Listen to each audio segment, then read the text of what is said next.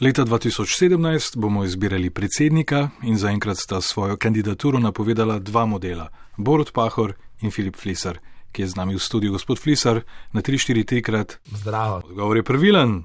Tako kot vsakega kandidata, tudi vas prosim, da se predstavite. Filip, kdo ste? Uh, prvi vrsti športnik, uh -huh. uh, drugi vrsti, kaj te jaz vem, vojak, hkrati sem še pa študent, tako da ni da ni. ni da ni.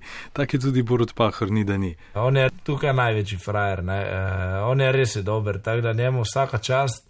Uh, Primerjam vajna profila na Instagramu, kar je dober kazatelj priljubljenosti kandidata. Vi imate celo nekaj prednosti, če se bo Borod Pahor na Instagramu, uh, recimo, slekal, uh, se boste tudi vi? Seveda, ni problema. Eh, meni se sploh zdi, da ste si eh, z Borotom celo podobni, ni pa skrivnost, da je vašo kandidaturo najprej podprl eh, Janez Stanovnik.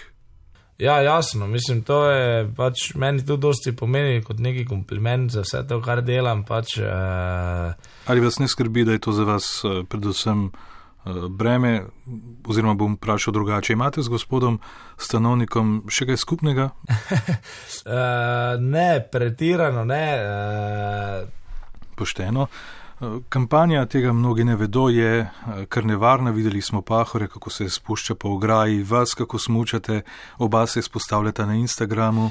E, to pač je, nevarnost je tudi relativna. Ne? Je pa res, da je neki faktor rizika, ki pa pač eh, je del moje uh, narave, že tako ali tako v osnovi, ne, in ni problema. Ankete uh, javnega mnenja kažejo, da ste priljubljeni. Kako pa se to pozna na ulici, ko nagovarjate potencijalne voljivce?